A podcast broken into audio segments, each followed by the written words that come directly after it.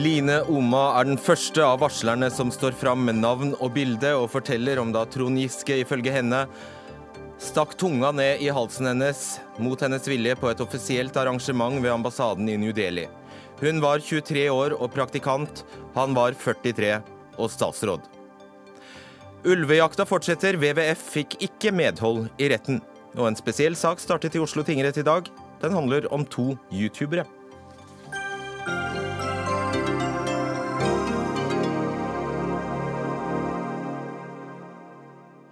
Det er fredag. God kveld. Mitt navn er Fredrik Solvang.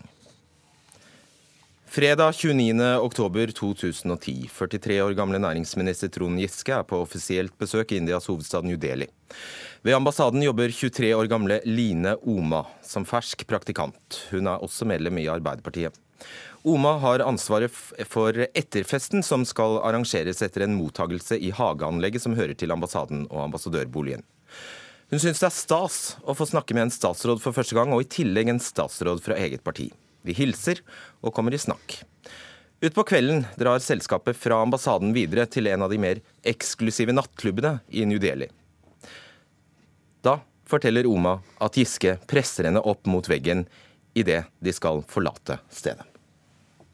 Oma forteller at Giske presser henne opp mot veggen og stikker tunga ned i munnen hennes. Hun sier det skjer mot hennes vilje, og at Trond Giske spør om hun vil være med på hotellet. Hvordan eh, opplevde du dette? Jeg var veldig uforberedt på det. Jeg var litt sånn sjokka. Ehm, jeg hadde på en måte hørt noen historier om Trond Giske før, og nå var jeg litt sånn eh, sjokkert over at jeg sjøl på en måte var mm, blitt en gjenstand for det, som jeg hadde hørt rykter om tidligere. Eh, og så var jeg litt sånn flau eh, over det. Ja, Oma beskriver videre overfor NRK opplevelsen som sjokkerende og ubehagelig.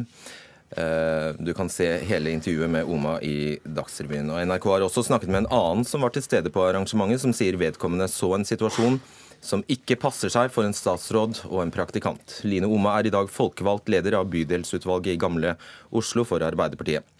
22.12. gikk hun ut og tok til orde for at Giske burde gå av som følge av varslingssakene mot ham. I romjula varslet hun formelt Arbeiderpartiet om sin historie med Giske, og sier hun opplevde å bli tatt på største alvor av Jonas Gahr Støre, og at hun har full tillit til Støres håndtering av saken. Oma sier hun varslet fordi hun ønsker å stå side ved side med det hun kaller de andre sterke damene som har sagt at nok er nok i kjølvannet av metoo-kampanjen. Hun vil fylle ut bildet av hva Giske-saken handler om, sier hun. Slik jeg opplevde Giske i India, skal ikke en statsråd som representerer regjeringen og Norge i utlandet oppføre seg, jeg vil betegne det som et togkrasj av et ministerbesøk, sier Line Oma til NRK. Trond Giske har siden torsdag hatt mulighet til å svare på påstandene og beskrivelsene fra Line Oma, og eventuelt gi sin versjon av kvelden i New Delhi. Hans personlige rådgiver Bård Flårønning har svart NRK at Giske er sykmeldt, og derfor ikke har anledning til å kommentere denne saken. Frode Jacobsen, du er leder i Oslo Arbeiderparti. Visste du dette? Nei, jeg var ikke kjent med dette før eh, NRK opplyste meg om det i dag. Hva syns du? Får, det er sterk kost å høre historien til Line Oma. Jeg får litt vondt i magen når jeg hører det.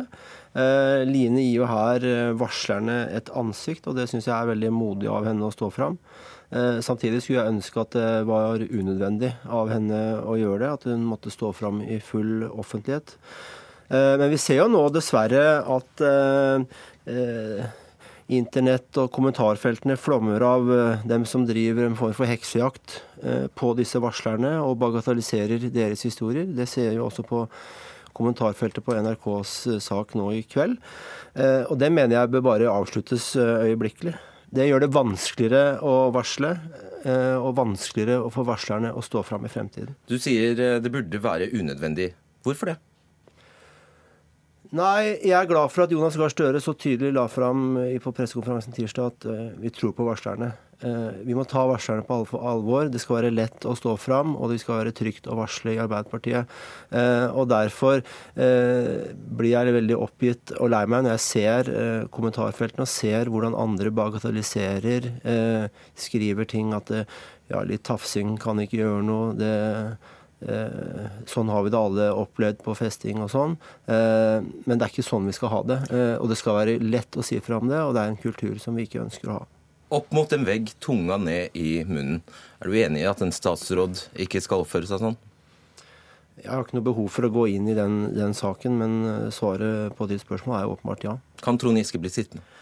Nei, altså det, det, er vanskelig å se for seg det nå, uh, gitt det som har kommet fram eh, de siste ukene. Men jeg, jeg har full tillit til at Jonas Gahr Støre og sentralstyret i Arbeiderpartiet håndterer dette på en god måte og kommer til en uh, fornuftig konklusjon der.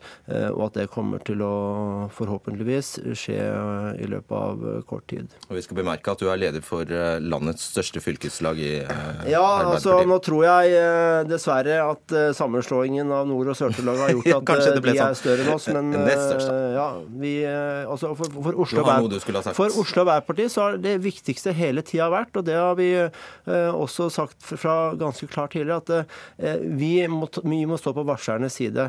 Eh, vi må ta varslerne på alvor. Det skal være trygt å varsle i Arbeiderpartiet. Og vår bekymring i en tidlig fase her var at eh, det så ut til å ikke skje. Men med gjennom jula og pressekonferansen på tirsdag, så har jeg full tillit til at eh, Jonas Gahr Støre og Kjersti Stenseng håndterer dette bra. Og jeg er veldig glad for at Line Oma også gir uttrykk for overfor NRK at hun føler at eh, partilederen Jonas har behandla dette på en veldig god måte, at hun føler seg godt ivaretatt. Og det håper jeg at eh, er et signal også til andre varslere som har en historie å stå fram med. Gjør det nå.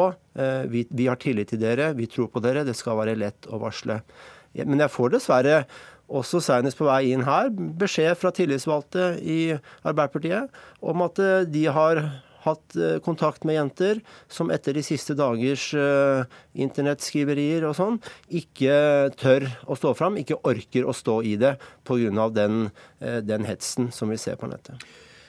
Jeg vil ha en kommentar til deg til, om neste tema, Frode Jacobsen. Nettavisen har altså publisert et eh, lekket eh, såkalt internt notat fra Arbeiderpartiet som ledelsen avviser kommer fra partikontoret. Hva syns du om den, eh, det notatet? Ja, at Nettavisen publiserer et notat som ingen vil ta ansvar for, og som eh, partisekretæren sier ikke har noe med partikontoret å gjøre, det må nesten stå for Nettavisens eh, regning. Men det bidrar til at den heksejakten som vi ser på varslerne, fortsetter. Og det skaper et klima som gjør det vanskeligere å varsle. Og det har jeg ingenting til overs for. Ikke noe godt skussmål til Nettavisen der? Nei, ikke det. Takk skal du ha, Frode Jacobsen. I går kveld brakte altså Nettavisen en sak som de omtaler som interne notater rundt varslingene på Trond Giske, og en slags eh, oppsummering av varslersakene. Her beskrives detaljer fra seks varslersaker, samt noen andre saker som har blitt gjort kjent for partikontoret men som anses som mindre alvorlige og ikke er varslet formelt. Partisekretær Kjersti Stenseng kommenterte artikkelen på Facebook i dag og sa sitat for meg er det viktig å understreke at dette notatet har ingenting med partikontoret å gjøre, og det er heller ikke dekkende for sakene. Sterke reaksjoner har kommet fra flere, også varslerne selv, som mener saken ikke gir et riktig bilde. Gunnar Stavrum, sjefredaktør i Nettavisen. Din nyhetsredaktør Erik Stefansen slo fast følgende til VG om det berømte notatet deres i går. Det er ingen detaljer som gir et verre bilde, som er utelatt. Du er vel enig i at det ikke stemmer, etter å ha hørt Omas historie? Ja. Det vi gjorde i går, eh, det var å forsøke å få fram noen fakta i denne saken etter tre uker med veldig mye omtrentlig journalistikk og mye synsing. Vi ønska å finne ut hva slags saker det er snakk om. Eh, og vi brukte både muntlige kilder før vi fikk tak i dette notatet, som begge viste det samme bildet, nemlig at det er snakk om disse seks sakene. Og oppsummeringen av disse seks sakene er i dette notatet. Det samme har vi også fått bekreftet fra muntlige kilder. Sånn at eh, jeg syns det var riktig å publisere det notatet, fordi at eh, folk må vite hva anklagene mot Trond Giske faktisk går ut på. Mm. Du starter med å svare på noe helt annet enn jeg spør om, så derfor så gjentar jeg deg spørsmålet. Du er vel enig, etter å ha hørt Line Omas historie, at det utsagnet fra Erik Stefansen at det er ingen detaljer som gir et verre bilde bildet som er utelatt, overhodet ikke kan stemme? Eh, jeg tror han, eh, altså det som, er, det, som han refererer til, er på en måte vår gjengivelse av det notatet. Vi har ikke redigert versjonen i det notatet. Men samtidig er det klart at både varslerne og Trond Giske vil jo sannsynligvis ha motforestillinger. Mot, det må jo være snakk om detaljene i historiene. Hvis ja. ikke gir det ikke mening. Nei, men altså det er jo klart at et, et oppsummerende notat med, med, tre linjer om hver varslersak selvfølgelig ikke kan ha den fulle bredden i hver sak. Den uh, historien uh, Stavrum, som ligner mest på Omas historie av de varslene du har satt på trykk, uh, lyder en kvinne hevder at Giske på en nattklubb i 2012 har holdt henne og kysset henne. Vel å merke er årstallet feil. Er dette Omas historie?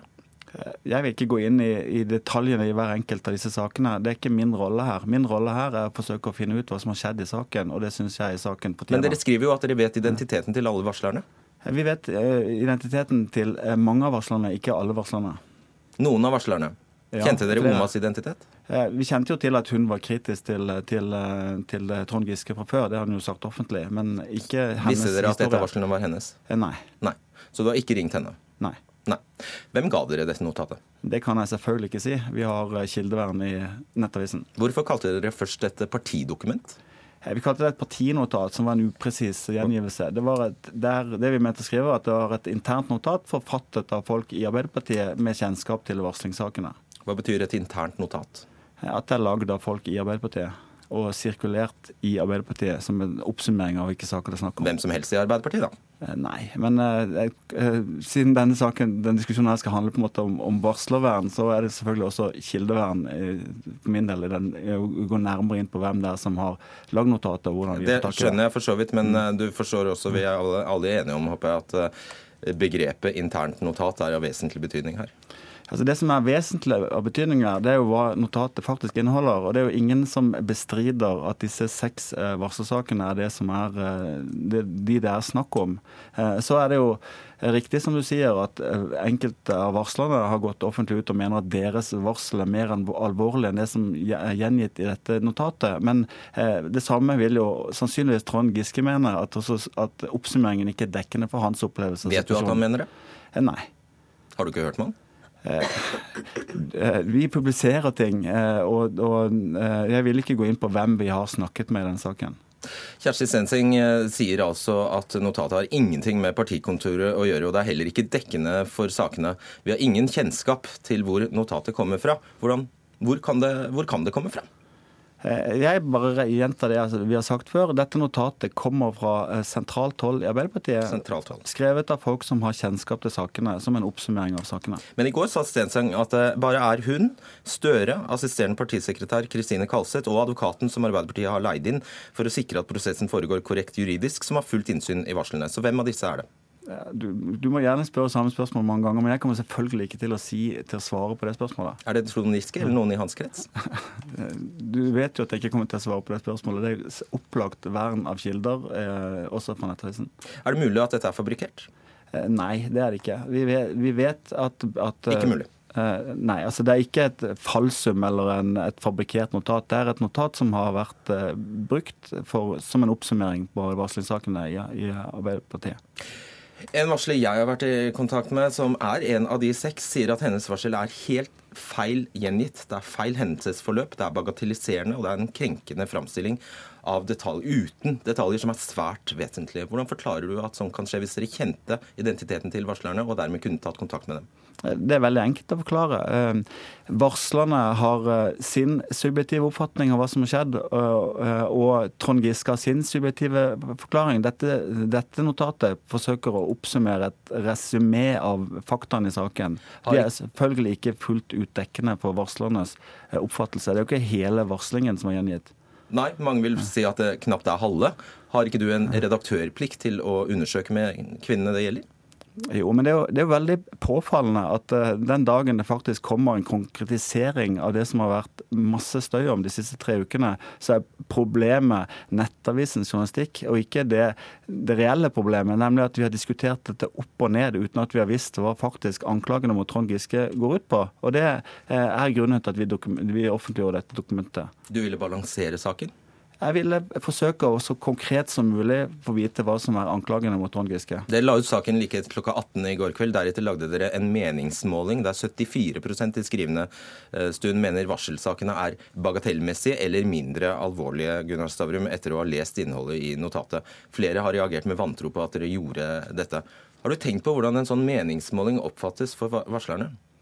Ja, det har jeg tenkt på. Men så har jeg også tenkt på det at eh, folk, eh, den offentlige opinionen i Norge har et krav på å vite hva som faktisk er eh, snakk om i den saken, og også rett til å ha en oppfatning av hva som, er, skjedd og hvor alvorlig det er. Så jeg har ikke noe problem med at vi har en avstemning på hva, hvor folk gir uttrykk for hva de mener om det som er kjernen i varslingene. Dere ber jo leserne egentlig komme med en dom over Trond Giskes handlinger, uten å ane om historiene er korrekte eller ikke? Ja, men herregud, i tre uker har folk sittet bl.a. i dette studiet og tatt, hatt klare dommer over Trond Giskes handlinger og gjøremål og hva som bør skje med han. Så eh, dette er jo et, i høyden et bitte lite sidepoeng i denne saken. Kari Brærem, advokat og tidligere varsler, og jobber til daglig med varselsaker som jurist. Vi husker deg som varsler i den såkalte Tønne-saken, da du eh, som direktør i BAR nektet å underskrive en utbetaling på 1,5 millioner kroner til den tidligere helseminister Tore Tønne. Du har reagert kraftig på Nettavisens publisering av denne saken. Hvorfor det? Jo, eh, altså Media har en sentral rolle i disse typer sakene. Det er vanskelige saker, og media bør da holde sin stil ren. Sin stil ren. Eh, jeg syns at eh, Nettavisen i denne saken har bagatellisert varslerens situasjon. De har ikke tatt hensyn til at når et Eh, medie slår opp eh, en varslersak som er i utgangspunktet anonym, så blir hele varselet revet fra hverandre. Vedkommende kjenner seg ikke igjen. Eh, vedkommende får heller ikke anledning til å gi noe tilsvar til, til dette. Og det, det, blir en ekstra belastning for varsleren, slik Nettavisen har fremstilt denne saken på i dag. Jeg reagerer spesielt på at man har en avstemning på en sak, en varslersak, som er er i utgangspunktet komplisert. Jeg er enig at det har vært veldig mye fokus knyttet til, til Trond Giske og, og de problemstillingene opp, eh, reist opp mot han, og vi ikke har visst så veldig mye. Men det betyr ikke at ikke Nettavisen skal ta hensyn til, eh, til varslerne når de nå går ut på den måten de gjør. Hvilken konsekvens kan det få? Eh, jeg tror det kan få en konsekvens av at eh, vi får færre som tør å stå fram som varslere. Jeg har lyst å, å nevne at, at, eh, det er nå engang slik at i denne saken, så vidt jeg kan se, så har det ikke fremdeles forekommet noen gjengjeldelser overfor varslerne. Men den, det oppslaget Nettavisen har gjort i dag, kan i minste fall ses som en, en gjengjeldelse, om ikke bevisst, så ubevisst. Stavrum. Eh, nei, altså jeg, jeg, mener at det er sånn at denne saken kan ikke avgjøres med tillit uten at både medlemmer i Arbeiderpartiet og også offentligheten får innsyn i hva som er de konkrete anklagene mot Trond Giske. Så er det sånn at Saken er jo ikke ferdig behandlet. Eh, varslerne har sin versjon, Trond Giske har sin versjon. Eh, partiapparatet må vurdere begge sider og, og må trekke en konklusjon. Eh, både om hva som har skjedd, og hva som er konsekvensen av hva som har skjedd. Selv om du utelukker at det er et falsum eller fabrikert, et fabrikkert notat, kan det være slik at du har blitt brukt og fått i fanget et notat som er en sminket versjon og en forenklet versjon av varslene. Kan det hende? Nei, det kan ikke hende. Fordi vi, vi, fikk ikke dette notatet som resultat av at noen kom til oss med det. Vi, kom, vi fikk tak i dette notatet ved vanlig journalistisk fotarbeid, og vi fikk bekrefta den samme versjonen på to forskjellige metoder. Men at det er en forenkla versjon av varslene, det er åpenbart. Det er et konsentrat og et sammendrag. Og nettopp i en sak der man ikke kjenner fakta, Brærum, så er det vel om å gjøre å belyse den fra så mange hold som mulig. Det er jeg enig i. Men, eh, men og, og det er klart at det er vanskelig når varslerne er anonyme. Men man bør ha såpass eh, holdt på å si, fingerspiskefyr at man ikke som et tillegg eh, har en avstemning på en så vanskelig og komplisert sak som dette er, og som har vært i media over en så lang periode, og som vi i utgangspunktet vet så lite om eh, grunnlaget for og innholdet av varslene. Men en sånn avstemning betyr jo ikke noe? Nei, det betyr ikke noe, men det betyr noe for varslerne som på en måte leser på nettet at, som du sier, 74% mente at dette var eh, lite. Eh, det er klart, eh, jeg kjenner meg jo igjen i situasjonen. Hvordan eh, min, min min varsling ble bagatellisert. Som om, du, om jeg nesten skulle være en som var ute etter hevn. Eh, I dette tilfellet så er det jo snakk om personer som er ute etter makt eh, osv. Eh, og, og er der, der, man må forsøke å sette seg inn i den situasjonen. Eh, varsleren i dette tilfellet, når man offentliggjorde dette i Nettavisen slik man gjorde, den situasjonen varslerne er i dag. De er ganske, de er ganske slengt opp i et hjørne. De er ganske vanskelig situasjon. De vet ikke verken opp eller ned. Selv om de er godt ivaretatt av Arbeiderpartiet, så vidt jeg kan forstå. Vil du kort svare på det? Ja, altså, Det er jo en side ved denne saken at varslerne også skal ha vern. Men jeg konstaterer jo at en ting som har skjedd i dag, det er at faktisk en varsler har stått fram med ansikt og fortalt sin historie. Og det syns jeg er et veldig positivt trekk i saken, for da kan vi jo ta stilling til konkrete ting. Det, vi setter strek der. Takk skal dere ha. Vi har eh, med oss eh, tre kommentatorer eh, her. Det er Berit Aalborg, politisk kommentator i Politisk redaktør, er det vel til og med, i Vårt Land. Skjalg Fjellheim, politisk redaktør i Nordlys, og politisk kommentator Magnus Takvam i NRK. Starter med deg, Fjellheim i Tromsø. Ja, da har vi altså fått den første varsleren som står offentlig fram. Hva er din vurdering av saken nå? Ja, Slik saken har utvikla seg, med en Giske som har gått kraftig til motangrep og karakterisert noen av varslene som falsk, så var det jo et spørsmål om tid før det ville komme en åpen varsling. Eh, altså at en kvinne står frem med navn og ansikt, slik vi har sett det i NRK i dag. Så det er jo så å si pressa frem gjennom sakens dynamikk og den strategien som, eh, som Giske sjøl har, eh, har valgt. Effekten, eller hensikten, eller ja, konsekvensen av den saken nettopp avisen publiserte i går? Ja, altså dette, Det virker jo rimelig klart at dette ikke er et notat som er utarbeida av eh, partiledelsen, hvis det er den Nettavisen-saken du sikter til. Og Det ser ut til å være et eh, notat som er utarbeida av noen i partiet som har detaljert og inngående kunnskap om innholdet i varslingen, eh, men som ønsker å fortelle en historie som kun har én hensikt, nemlig å å, trekke alvorlighetsgraden ved varslingen i, i, tvil. Så det er på en måte en Hvem kan ha en slik hensikt? Charles Ja, altså Det er jo en kamp om definisjonsmakten i denne, denne saken. Det vi ser er jo et stygt spill i et parti som råtner på rot, og der alle midler tas i bruk for å ramme hverandre. og, og, og, og dette er jo vi tror vi må se dette som, et ledd i en, i en maktkamp som savner sidestykke i, i, i, norsk politikk. Og Det er jo også helt vesentlig her at, at um, flere av varslerne sier at de ikke kjenner seg inn igjen i innholdet i dette notatet. Så jeg mener at Nettavisen bommer litt her. De, de, eh, kommunikasjonen rundt notatet har vært uklart, og, og de burde ha gjort det helt klart som premiss at dette ikke er Arbeiderpartiets offisielle vurdering av sakskomplekset.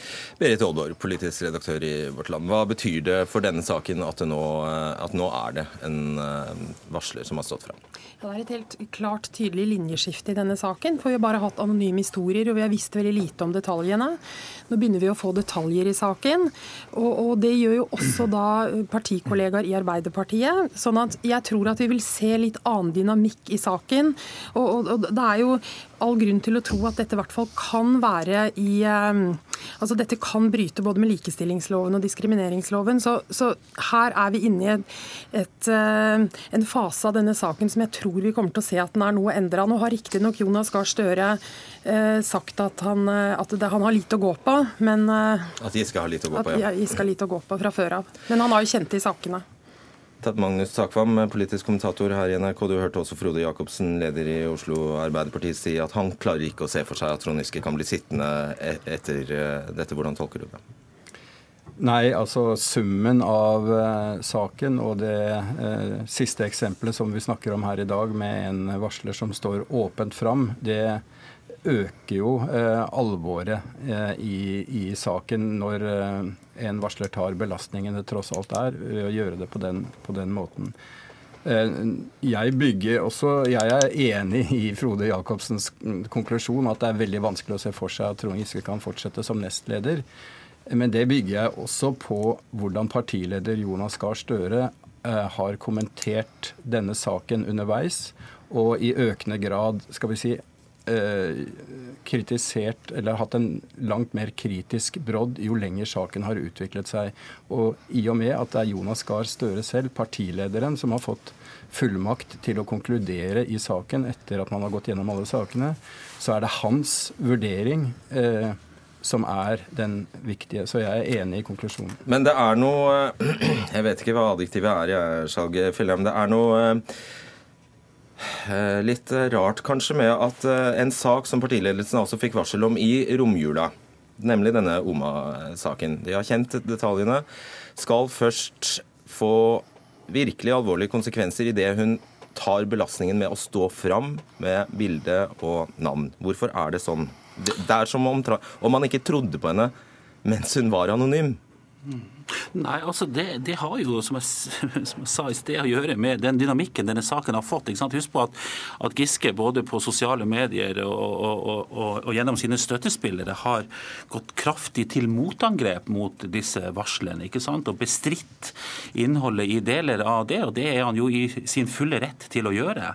Eh, og det har på en måte Jeg tror mange bare har venta på at eh, det ville da føre til at noen sto frem med, med navn ansikt, og det kan også føre til at man får flere nå som står frem. Så jeg forstår jo på det menneskelige planet behovet for Giske for å, å, å forsvare seg mot slike anklager, men det er jo helt åpenbart at han kunne ha spart seg for dette ubehaget ved å trekke seg som nestleder da denne saken sprakk før jul. Ja, vi hadde Berit Aalborg, i går Gard Michaelsen, redaktør i Medier24, som påpekte at hele metoo-kampanjen handler nettopp om et vern for kanskje spesielt kvinner mot å måtte stå fram med full identitet for å bli trodd.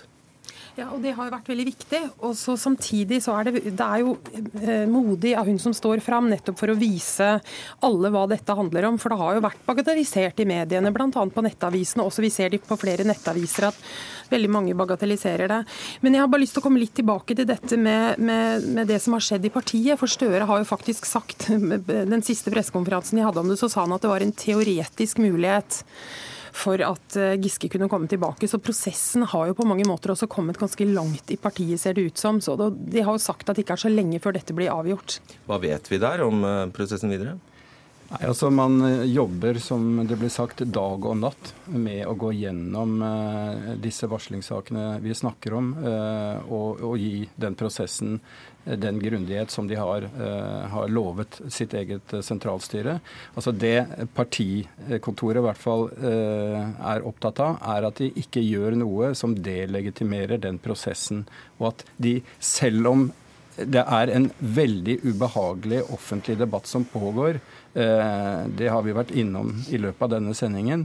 Så kunne man jo selvfølgelig være fristet til å bare skjære igjennom og konkludere nå. Tung, tunge ned i munnen, nå er det nok. Ja, Men, det, men det, det, er altså situasjonen at partiet prioriterer da å gjennomføre prosessen på den måten vi snakker om. Men det er, jeg tror det bare er snakk om noen dager, eventuelt inn i neste uke, før man er ferdig med det, slik jeg har oversikt over. Trenger de mer, Aaberg? Nei, altså, det er vel også, De ønsker vel å behandle dem på den måten at han skal få en tilsvarsrett og få si det han har å si i saken. og Det er jo på mange måter bra. Men jeg tror vi alle ser at uh, alvorlighetsgraden i de sakene vi nå begynner å kjenne en del til, er så alvorlig at det vil være svært overraskende hvis Jonas Gahr Støre sier at han har tillit til Giske etter dette. Hva syns du om Line Oma-saken f.eks.? Ja, jeg syns den er alvorlig. Og jeg, og jeg syns at den, jeg, sånn som jeg ser den, så, så, virker det som det kan være et, et brudd med som sagt, både likestillingsloven og diskriminering diskrimineringsloven. Og det er et skeivhet i maktforholdet mellom, mellom en, en, statsråd på 43 år og en ung jente som da kanskje beundrer eh, en politiker i sitt eget parti. Så jeg syns den historien er drøy. Det må jeg si.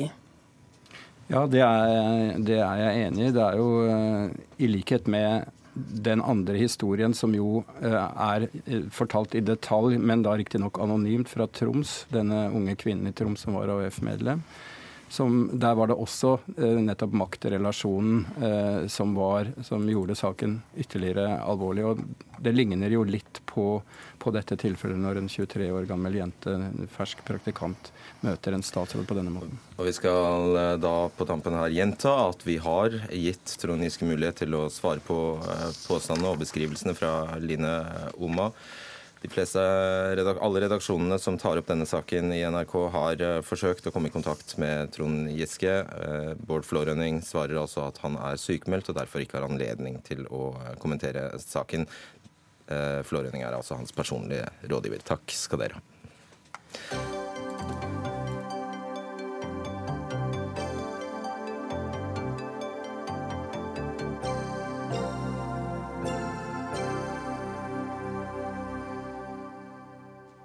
En profilert samfunnstopp fra Troms er siktet for å ha utnyttet sin stilling for å skaffe seg seksuell omgang med en ung mann. Onsdag denne uka ble mannen pågrepet. Tromsmannen, som i en årrekke har vært en profilert samfunnstopp, ble framstilt for varetektsfengsling i Nord-Troms tingrett torsdag, altså i går. Han er fengslet i én uke med brev og besøkskontroll, opplyser hans forsvarer Ulf Hansen overfor Nordlyst. Videre forteller Hansen at mannen nekter straffskyld for siktelsen. Fremdeles med oss, Sag Fjellheim, politisk redaktør i Nordlys. Hva mer kan du si om denne saken? Dette er jo en politisak, og etterforskninga er i en tidlig fase. Så jeg syns det er for tidlig å, å, å, å, sette dette inn i en bestemt kontekst, selv om det er for så vidt interessant at dette skjer samtidig som vi har et klima der den type saker som knytta til metoo-kampanjen kommer opp. Men vi vet enda veldig lite. Politiet er i en tidlig fase. De har kun sagt at det dreier seg om sedelighet, og at mannen er varetektsfengsla i en uke med brev og besøkskontroll. Så jeg syns det vil være feil å spekulere utover det som er omtalt eh, til nå. Og det vil jo med stor sannsynlighet komme flere opplysninger nå etter hvert som, som dagene går og etterforskninga fortsetter. Men det er altså snakk om det dere kaller en eh, samfunns topp. Har politiet sagt uh, noe rundt saken? Altså det, det, er jo viktig å understreke at dette dreier seg om en person som verken er tiltalt eller dømt. og Han, han nekter for all skyld og sier via sin forsvarer at han er sjokkert over anklagene. Politiet har vært veldig sparsommelig med opplysninger så langt, så, så jeg vet stort, stort sett ikke mer enn det media har, har brakt hittil. Ok, Da sier vi tusen takk til deg, Skjalg Fjellheim, politisk redaktør i Nordlys.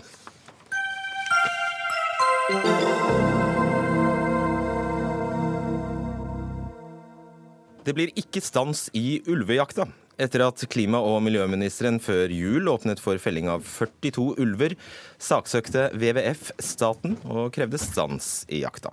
Men i dag ble det klart. WWF fikk ikke medhold i tingretten, og i dag ble to nye ulver skutt i jakta som har pågått siden mandag. Ingrid Lomelde, miljøpolitisk leder i WWF, var din reaksjon på denne kjennelsen? Nei, Vi syns det er hjerteskjærende eh, og veldig leit å se at vi nå ikke klarer å få stanset den største jakten i Norge siden ulven ble fredet. Eh, og vi mener jo at dette er lovstridige vedtak, eh, og vi kommer til å anke denne kjennelsen. Hvorfor lovstridig? Jo, fordi vi mener at det bryter med naturmangfoldlovens krav om at vi skal ha levedyktige bestander av ulv. Eh, det å skyte ut 75 eh, av de ulvene som lever i Norge, det vil bidra til å holde ulven nede på et kritisk truet nivå og på randen av eh, utryddelse. Og Hvor mange dyr vil vi ha igjen da? Ja, vi, Hvis vi skyter 42 av de 56 som lever i Norge, da er det ikke så veldig mange igjen. Men så er det selvfølgelig også noen grenserevir, så her er det noen litt flytende overganger. Skjønner. Statssekretær Lars Andreas Lunde i Klima- og miljødepartementet for eh, Høyre. Hva eh, betyr dette for ulvejakta som, ulvejakta som eh, pågår nå? Dommen slår fast to viktige prinsipper. For det første slår den fast det at Klima- og miljødepartementets vedtak om lisensfelling for ulv i år ikke truer overlevelsen til den skandinaviske ulvebestanden. For det andre så slår den fast et viktig prinsipp i, norsk ulveforvaltning, nemlig det tydelige soneprinsippet, med at det skal være en tydelig skille mellom ulv som befinner seg innenfor den såkalte ulvesonen, og ulv som befinner seg utenfor den såkalte ulvesonen. Utenfor ulvesonen skal det i liten grad være tilstedeværelse av ulv. Der skal det være en lav terskel, altså lett å få skyte ulv. Mens innenfor ulvesonen så skal ulven ha prioritet, og de som driver f.eks. beitenæringer her, må tilpasse seg at der skal det være tilstedeværelse av ulv. Og Det er også det prinsippet som Klima- og miljødepartementet har fulgt når vi har sagt ja til rovviltnemndenes vedtak om felling av ulv utenfor ulvesonen, mens vi har sagt nei til deres vedtak om felling av ulv innenfor ulvesonen. Ja, så hvilke, bare for oss tre som har litt tungt for det, hvilke Hvilken sone har disse ulykksalige 42 befunnet seg i? da? Eh, de har befunnet seg uten, alle, alle, de ulv som vi har sagt ja til å felle, befinner seg utenfor den såkalte ulvesonen. De fleste av dem er streifulv. To av disse som det jaktes på nå, er ulv i revir, altså familiegrupper av ulv, som er et revir som deler seg innenfor og delvis utenfor ulvesonen, men hvor mesteparten av reviret er utenfor ulvesonen, og det derfor er definert utenfor ulvesonen. Imidlertid er jakttiden på disse den samme som innenfor ulvesonen, for å gjøre forvirringen enda større. og Det, ja, det skyldes at, det, at, dette er altså revirmarkerende ulv med valper, og man vil unngå å skyte foreldre med, med, før valpene er i stand til å klare seg selv. Derfor er, det kortere. Eh, la meg bare eh, eh, Dette er Ja. Er dette en bekreftelse av Stortingets rovviltforlik? Ja, dette er en bekreftelse av både Stortingets rovviltforlik og de føringer som Stortinget la ved behandlingen av ulvesaken i våres. Så prøver dere i stedet å snike det inn rettsveien, Lommelde. Hvor mange ganger har du prøvd det nå? Ikke snike, eh, og vi har ikke prøvd det før eh, i de åtte årene jeg har jobbet i, i WWF. Og vi har ikke prøvd det etter at naturmangfoldloven ble vedtatt, eh, og det er jo et viktig poeng. Naturmangfoldloven fastslår at Norge skal ha levedyktige bestander av arter i hele artens utbredelsesområde, og Norge er et naturlig leveområde for ulv. Og det som er ekstra hjerteskjærende å se nå, er jo at vi skyter ut ulver som da lever i revirmarkerende par som dere kaller det, eh, familiegrupper som altså ikke har noe skadepotensial, eh, som ikke nærmer seg folk. Dette er ulver som eh, ikke truer mennesker eller dyr. Bare snill ulv. Ja, det kan man jo si. I hvert fall ulver som det ikke finnes noen god grunn for å skyte. Stortingsrepresentant Ole André Myhrvold for Senterpartiet.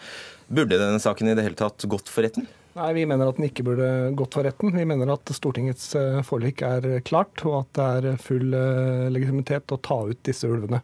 Eh, derfor er vi glad for det vedtaket tingretten kom med i dag, sånn at jakta, lisensjakta kan fortsette. Og så skulle jo vi ønske at uh, departementet også hadde stått ved at uh, rovdyrnemndenes uh, vedtak om at det også skulle skytes ut i Slettåsflokken, som er den mest problematiske når det kommer til konflikter med folk. Men dette var jo, hvis jeg har skjønt det rett, kun et midlertidig steg. Vi snakker her om en, Dere ba om en midlertidig forføyning, altså en slags utsettelse. Og WWF ønsker seg egentlig en skikkelig hovedforhandling om, eh, en, om en helhetlig behandling av eh, ulveforvaltningen. Kan dere stanse det, dere i Senterpartiet? Vi kan ikke stanse en rettslig eh, behandling, og vi skal ikke forskuttere den. Men jeg vil jo advare mot at vi kommer i amerikanske tilstander, fordi at det er Stortinget og de folkevalgte som skal avgjøre naturmangfoldsforvaltninga i Norge. Miljøforvaltninga den ligger til de folkevalgte og forvaltningen, eh, ikke domstolene. Og Det er jeg glad for at domstolene er veldig klare på i dag, når de sier at eh, dette ligger utafor eh, det retten skal vurdere, og anses å ligge innafor den skjønnsmargen som forvaltningen har i henhold til ordlyd og Stortingets uttalelse. Er det Løper det ikke en viss risiko også, Lommelde, når tingretten fastslår at den norske og svenske ulvebestanden skal ses under ett? Da har dere jo tapt et viktig prinsipielt slag? Nei, altså vi kan gjerne se den norske og svenske ulvebestanden under ett hvis vi hadde samkjørt disse forvaltningsvedtakene og faktisk vurdert hvorvidt de svenske jaktvedtakene og norske eh, jaktvedtakene til sammen truer den skandinaviske bestanden. Men det gjør altså ikke departementet. Men har tingretten kompetanse til det? Nei, det er departementet sin oppgave å gjøre. Og det er en av grunnene til at vi har, uh, har uh, innført dette søksmålet. Fordi at de gjør ikke den jobben. Det finnes ingen formell avtale mellom Sverige og Norge. Departementet skriver i sitt siste vedtak at de ser ikke noe grunn til å spørre Sverige hva de mener om norske jaktvedtak. Eh, og det til tross for at den eh, norske lisensjakten gjør at vi skyter ut genetisk viktige individer som eh, vandrer inn fra Sverige. Jeg tror Lunde får, ja. Ja, så er det veldig viktig å si at Det vi gjør nå, det er jo ikke å ta den norske ulvepolitikken for retten. Det vi gjør, er å ta den norske forvaltningen av ulv for retten. Eh, og Det betyr at måten forvaltningen implementerer politikken på, mener vi er lovstridige. Og Det er fordi at bestandsmålet, eh, som vi ikke bestrider, men vi bestrider måten bestandsmålet da brukes til å fatte jaktkvoter. I Norge nå så brukes dette bestandsmålet som en øvre grense for hvor mange ulver vi skal tillate å ha i norsk natur. Det mener vi er lovstridig, for det vil holde ulven nede på et kritisk truet nivå. I Sverige har de et bestandsmål som brukes som et gulv for hvor få ulver man skal kunne ha. Og hvis Norge hadde brukt eh, vårt bestandsmål på samme måte, så ville vi ikke hatt noe problem med det. Svar på det, Lunde. Eh, vi har i vårt, vi traffet nytt vedtak da, etter den første tingrettsdommen. og Der har vi nettopp vurdert svensk forskning som viser hvor stor den skandinaviske ulvebestanden sammen være, skal være for at vi skal ha en, en overlevelsesdyktig bestand i Skandinavia. Vi må se den norske og svenske bestanden sammen her, for at ulven går jo frem og tilbake mellom grensen. Og Den, den forskningen viser at det, norske, eller det bestandsmålet for ulv som Stortinget har vedtatt, ikke truer den skandinaviske bestandens eh, overlevelse. og Det er det som også domstolen nå har slått fast. Men bare opplys oss, forhold deg til det Lommelde sier, at Norge og Sverige tolker bestandsmålene for ulv helt forskjellige, og at dere ikke engang gidder å ringe svenskene? Vi har prøvd det. Vi ønsker en felles forvaltning med Sverige, men Sverige har sagt nei til det. Det skyldes at Sverige er et medlem av EU, og det er bundet av EU-direktiver som gjør at det er vanskelig for Sverige å ha en formell felles forvaltning for Norge. Det høres helt utrolig ut. Vi, vi, vi, har ønsket, vi har tatt initiativ, jeg har tatt kontakt med mine svenske kolleger og ønsker en felles forvaltning med Sverige om ulv. Det har ikke Sverige ønsket, nettopp pga. forholdet til, til EU, som de, gjøre, som de, mener vil bli unødig komplisert dersom de også har en felles forvaltning med Norge. Ålreit, uh, Myhrvold. Ja, nei, Senterpartiet har jo også støtta en uh, felles uh, svensk-norsk forvaltning, men vi har ikke fått gjennomslag for det. Uh, og ulven i Norge den må Etter svensk lest, da? Nei, er, men når vi ikke har kommet til enighet med svenskene, så kan det ikke være sånn at vi ikke kan forvalte den norske ulven. Vi må ta ansvar for den ulven som er i Norge, og de interessene vi har her i landet. Og da er vi tilbake både på beiteinteresser, distriktsinteresser. Og der har Sverige og Norge vidt forskjellig politikk, og vi må ta hensyn til de eh, utfordringene som eh, Distrikts-Norge sliter med med de ulvestammene. Er dere også uenige om tallet 75% er Vi stoler på de vurderingene som er gjort. Så det, det, er du, det, er du, med på? At ja. 75% av bestanden av ulven i Norge skal nå skytes? Er, er, ja, det er jeg ikke enig i, men vi mener Nei, at departementet har gjort gode Nei. vurderinger. Så hva av, mener du da? Ja, vi mener at det er gjort gode vurderinger, og, og Senterpartiet For det første så er ikke den finsk-russiske ulve, ulven utrydningstrua. Nei, men den er ikke utrydningstrua. Uh, ulven er altså tilbake i Norge etter 100 års fravær, og det får noen konsekvenser. Og, og Senterpartiet har ikke flertall for uh, å, å, ikke ha ulv i Norge, så vi forholder oss til Stortingets vedtak, og den sier at ulven skal forvaltes gjennom rovviltnemndene, og det er det som nå skjer. Ok, til, Helt til slutt, Lommel, veldig kort. Hva skjer nå? Ja, Nå kommer vi til å anke denne kjennelsen fordi vi er uenig i eh, denne dommen. Vi mener at Norge nå skyver sin, eh, sitt ansvar over på Sverige. Og så er det viktig å få frem at eh, den norske forvaltningen av ulv har jo virket godt til nå. Antall sau på utmarksbeite øker. Antall tap til ulv har blitt mer enn halvert de siste ti årene. Det er altså ikke noe grunnlag for å ha et så stort jaktvedtak som det departementet nå har fattet. Takk skal dere ha, alle sammen. Ingrid Lomelde, Lars Andreas Lunde og Ole André Myhrvold.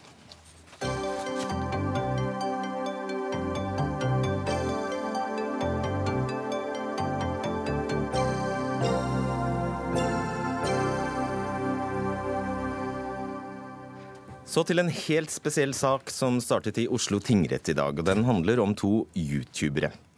En av Norges største YouTube-stjerner, Dennis Vareide, som er kjent fra duen Preps og Dennis, har saksøkt en 19 år gammel YouTuber for ærekrenkelser, og han krever 130 000 kroner i erstatning. Kristine Sterud, du er reporter for eh, NRK. Altså, Det var så mange som møtte opp i rettssalen i, i dag, deriblant uh, deg mellom, mellom YouTube-stjernen uh, Vareide og den saksøkte 19-åringen, at um, saken måtte flyttes til en større sal, skjønte jeg? Ja, interessen var nok større enn man kanskje hadde trodd på forhånd. Av vi som var der, så var vi kanskje 15 stykker som var mediefolk. Og så var det en del som var der rett og slett for å vise sin støtte, både til han Dennis Vareide, som er den som saksøker, og til han 19-åringen som eh, nå blir saksøkt. Eh, for de her eh, menneskene er jo veldig store i sine miljøer. Altså Som du sa, Dennis Vareide er nok en av Norges største youtubere. Og har over 200 000 følgere på sine YouTube-kanaler. 200 000? Så det er ganske svært. Og han lever av å poste videoer på YouTube. Ja, jeg hører han har blitt mangemillionær. en superkjendis på YouTube. Mm. Eh, hva er prinsippene i den? Hva er det saken handler om? Altså, saken er det at um, han her 19-åringen han har jo sin egen kanal på YouTube. Og han har lagt ut tre videoer på sin YouTube-kanal som handler om Dennis Vareide. Mm. Og i retten i dag så forklarte 19-åringen at det her er ment som uh, satirisk kritikk, altså humor, som skal handle om han Dennis Vareide, siden han mener at Dennis er en offentlig person på YouTube. da. Men så mener da Vareide og hans advokat at uh, disse videoene inneholder um, beskrivelser eller inneholder anklager som er ganske grove og ganske straff, om straffbare handlinger. Mm. Og han mener at disse anklagene er feil, at de er falske, at det er usant. Og derfor mener han at det her blir da trakasserende og sjikane å ha dette innholdet ute på internett. Akkurat. Så er det et begrep her som eh, heter exposed-videoer. Eh, det er også noe som går inn eh, en trend fra USA. Hva er det det handler om? Det er en amerikansk trend, det var der det starta. Det blir det sikkert snakka mer om seinere her. Men den, alle de videoene som det er snakk om, går liksom inn under, under, denne trenden. Og det handler egentlig om at du eh, legger ut videoer som skal være liksom eksponerende eller skal henge ut andre. Mm. Og at de blir sett på som humor. da, det, skal, det er ment å være morsomt. Så det som er liksom poenget i denne rettssaken her, da, blir jo at retten må bedømme om det, disse videoene er morsomme, at det er lovlig humor, eller om det er rett og slett eh, sjikane og trakassering som vi ser. Ja. Tusen takk skal du ha, Kristine Sterud. Ivar Steen Johnsen, du er kanaldirektør eh, for Nordic Screens, som er et, eh, skjønt rett, et YouTube-nettverk og et produksjonsselskap. Mm. Ja. Eh, det betyr at dere produserer innhold til flater som YouTube og Facebook. På hvilken måte er denne, eller er denne saken av betydning? Den er av, av stor betydning, syns jeg. Det er ikke slik at, at, er, at det er mye av dette i Norge. Eh, dette er den første eh, sånn store eh, saken som vi, som, vi, som vi, har fått. Men i utlandet så er det en god del av det. YouTube er jo full av veldig mye bra kreativt innhold som selvpubliseres ut av, av de som vi kaller for youtubere, da, som har sine følgere der ute. Men så er det da noen som som misbruker posisjonen sin ved å kan du si, lage innhold som er tabloid på steroider, eh, omtrent. Uh, ut fra beskrivelsen Steru ga her, eh, Anine Kierulf, fagdirektør ved Norges institusjon Nei, Norges nasjonale institusjon for menneskerettigheter. Veldig bra, Fredrik. Takk skal du ha, Kierulf. Uh, så høres dette nesten ut som en ganske konvensjonell ærekrenkelsessak. Er det ja, det er jo det det er. Det er jo en litt pussig kombinasjon av en veldig klassisk eh, rettssakstype, som vi har et eksempel på langt tilbake på 1800-tallet, nemlig ærekrenkelser. Eh, og, og et, et, ganske nytt medium, da. Eh, ikke veldig nytt, men for mange relativt ukjent medium, nemlig YouTube. Altså Man har disse videoene som legges ut i ulike kanaler som man eh, holder seg til, som vi hørte om, som jo er vesentlig større enn en mange norske aviser og, og, og andre kringkastere. for ja, just De fleste norske aviser vil drømme om 200 000 daglige følgere. Mm. Sånn at Her har du egentlig nye, nye typer publisister. De er sine egne redaktører. Som bruker sin ytringsfrihet gjennom denne type kanal. Eh, og så er det jo slik at eh, De fleste vet jo at man har ytringsfrihet. Noen vet også at det er noen grenser for den ytringsfriheten. Eh, men kanskje man ikke er så klar over hvor de grensene går, og da kan det jo oppstå ærekrenkelsesproblematikk også på internett, på YouTube. Det som er situasjonen, er at utgangspunktet er at alle har ytringsfrihet, og den kan man både sjokkere og forstyrre omgivelsene med. Men det er noen grenser for den. Man kan ikke true, man kan ikke ærekrenke, man kan ikke krenke privatlivets fred osv. Og, så og de grensene de er jo de samme på YouTube som de er i en avis, som de er på et torg, som de er på en skole, som de er andre steder. Selv under rubrikken satire. Ja, og der er det alltid en utfordring, fordi eh, alle ytringer må tolkes for at eh, meningsinnholdet skal fastlegges. Noen spøker er åpenbare spøker. Gjør du det, så dreper jeg deg. Eh, i spøkefull variant eh, på puben, liksom. Eh, åpenbart ikke egnet til å skape alvorlig frykt. Er ingen trussel. Sagt i en helt annen setting av noen som står med en kniv eller en pistol, eh, så kan det virke veldig truende og vil være en trussel. Sånn at eh, humor er forvanskende, et forvanskende element, eller et berikende element, alt ettersom, eh, når man skal tolke ytringer. Det som man kan tenke seg, det er jo at man kan se på hva ytreren mente. Jeg bare tullet. Hva lytteren eller seeren hørte. Jeg oppfattet det som utrolig krenkende. Eh, det vi prøver å gjøre i jussen, det er å finne en slags gyllen middelvei. Hva kan vi med rimelighet utlede av dette? Hva er, den, hva er, den, naturlige forståelsen av det som blir sagt her? Mm. Er den naturlige forståelsen at noen beskyldes for en alvorlig straffbar handling? Eh, ja, da er det fort ærekrenkende. Er det naturlig forståelsen at dette åpenbart bare er spøk? Ikke i det hele tatt. I hvor stor grad spiller det en rolle at vi her, å, at vi her snakker om eh, publiseringskanalen YouTube, eh, eh, Sten Johnsen? Altså det er vel Medietilsynet som har ansvar for å ettergå eller føre tilsyn med etablerte medier. Men hvem fører tilsyn med YouTube?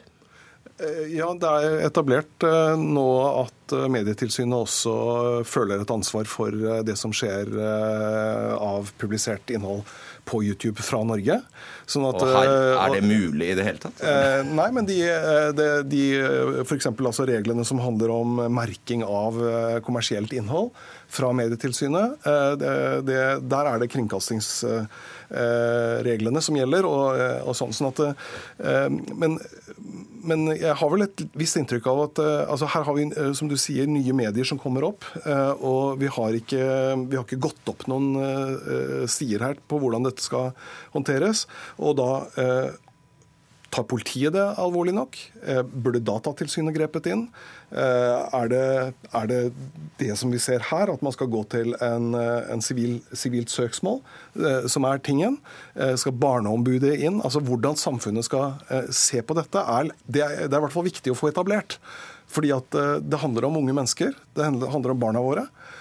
Og de blir veldig påvirket av det de ser her. Jeg, jeg, tenker at dette ikke er altså, det, er, det er masse kompliserte spørsmål her når det gjelder jurisdiksjon, hvor man sender fra, hvem som egentlig har hvilke regler som gjelder for YouTube, hvilke regler som gjelder for Facebook osv. Men, men det er noen ting som ikke er så vanskelig. Og det er at uh, den ytringsfriheten vi bruker her i Norge, uh, den er så fri som den er uh, i avisen, på torget, og akkurat den samme på internett. Det, de tingene som er lovlige andre steder, er lovlige på YouTube de tingene som er ulovlige andre steder, er ulovlige også der. Og Da kan man bli utsatt for et ærekrenkelsessøksmål, som i dette tilfellet. Det er en sivil sak, og det legger jo en ganske stor byrde på den som skal kjøre den saken, fordi da må man gå til rettssalen, rettssak selv, ikke sant, betale sin egen advokat.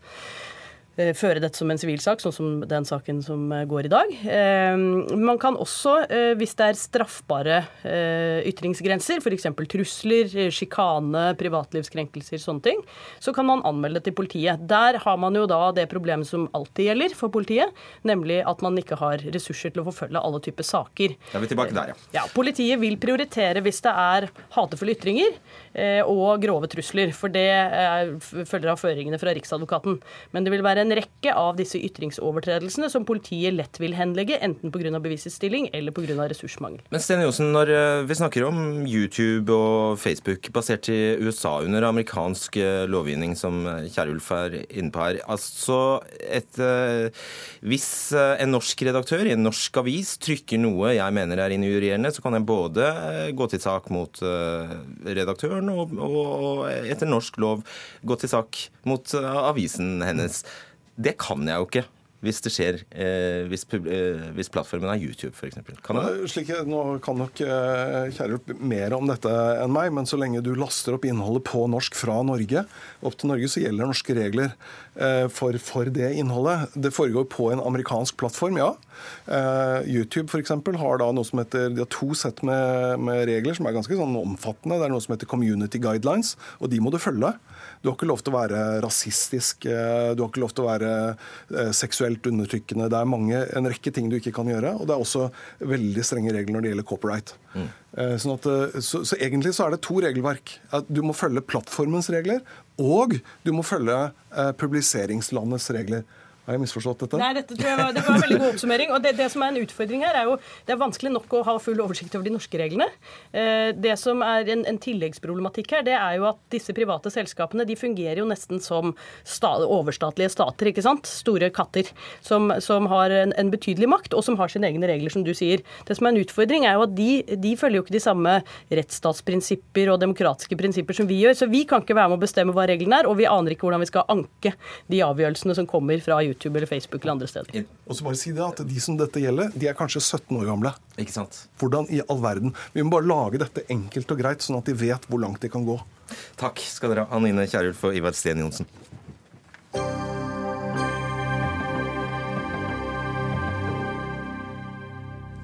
Om lag 3500 asylsøkere kom til Norge i fjor, viser Utlendingsdirektoratets tall for 2017. Antall asylankomster mot slutten av fjoråret var så lavt at man må helt tilbake til midten av 1990-tallet for å finne lignende. Derimot er antall familiegjenforeninger skutt i været dette året. Fant vel sted en topp i fjor, men har ganske høye tall i år også. UDI-direktør Frode Forfang, hva er årsaken først til eller at det er så lave asylankomsttall i 2017? Det er vanskelig å si helt sikkert hva som er årsaken. Er jo, vi så jo at det skjedde stort, en stor endring etter høsten 2015, da vi fikk rekordmange asylsøkere. Og så har det i tiden etterpå, helt fra tidlig 2016 og gjennom hele 2017, vært en nedadgående tendens, og den har egentlig forsterket seg gjennom 2017. Så nå er ankomstene veldig lave. Årsaken det kan være mange ting. Det er jo, eh, dels kan det være at grensekontroller Eh, særlig indre grensekontroller i Europa, og særlig de inn til Norden, at det kan ha hatt en effekt. Og så kan det være at eh, Norge og kanskje også andre nordiske land oppfattes nå blant potensielle asylsøkere som mindre attraktivt sted å søke asyl enn tidligere. Så det kan, okay. være, en, det kan, det kan være politiske signaler, det kan være mange forhold som spiller inn her. Mm. Hvor kommer de fra, da, de som kommer? Ja, Det er fortsatt eh, Eritrea og Syria, eller Syria spesielt, og Eritrea som er de to store nasjonalitetene. Vi hentet jo også en god del av de to nasjonalitetene fra Hellas og Italia gjennom EUs relokaliseringsprogram.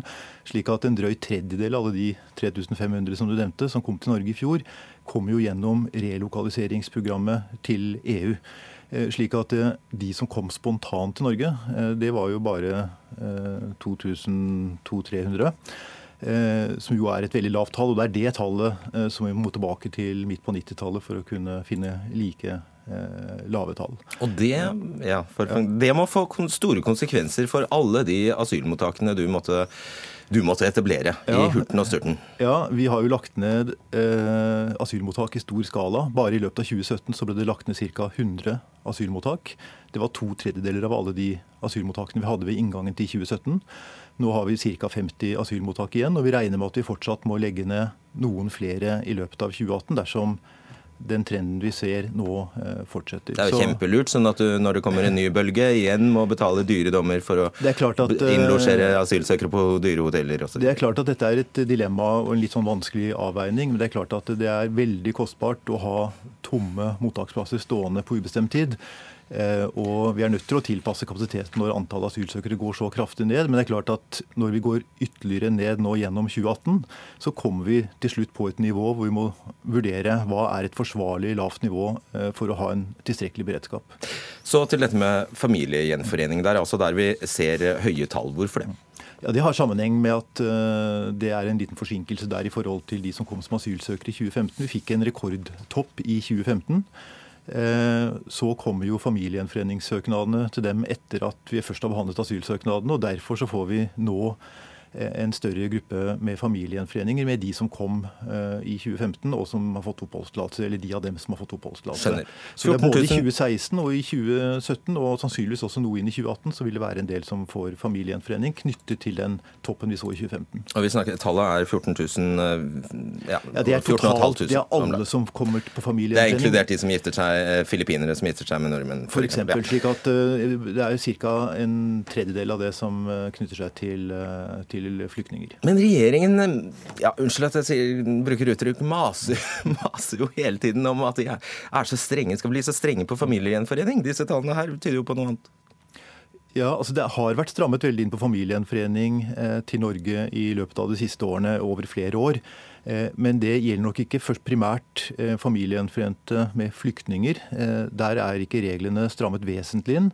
Det er mer strammet inn for andre grupper som ønsker familiegjenforening, hvor det er f.eks. stilt mye strengere krav til forsørgelsesevne og en del andre krav i tillegg, som gjør at det er vanskeligere å få familiegjenforening for mange grupper enn det var tidligere. Men akkurat for flyktninger så er ikke kravene strammet vesentlig. Det er faktisk land i Europa som har strengere regler enn Norge akkurat på det området. F.eks. et land som Sverige. slik at akkurat... Har du fortalt Sylvi Listhaug det, eller? Hun er nok klar over det, ja. Hun er klar over det, ja. Du, helt på, helt på tampene her. Hvem er den typiske som kommer på familiegjenforening til Norge? Ja, De aller fleste av de som kommer, i hvert fall som blir familieforent med flyktninger, eh, det er syrere som er den klart største gruppen. Over halvparten av de som fikk familiegjenforening med en flyktning i fjor, kom fra Syria. Og den nest største gruppen var fra Eritrea, og de to gruppene til sammen utgjorde vel drøyt tre fjerdedeler av alle Eh, som fikk familiegjenforening med flyktninger er det da, liksom, i fjor. Da er det koner og barn som kommer? Da? da er det, Det kan jo være menn også, men det er nok eh, mest eh, ektefeller og barn blant de som kommer, ja. Hmm. Takk for den innsikten, Frode Forfang, direktør i eh, UDI. Det var det siste vi rakk i denne Dagsnytt 18-sendingen faktisk denne uka. Ansvarlig for den var Arnhild Myklebust, teknisk ansvarlig var Finn Lie, og jeg heter Fredrik Solvang. Riktig god helg.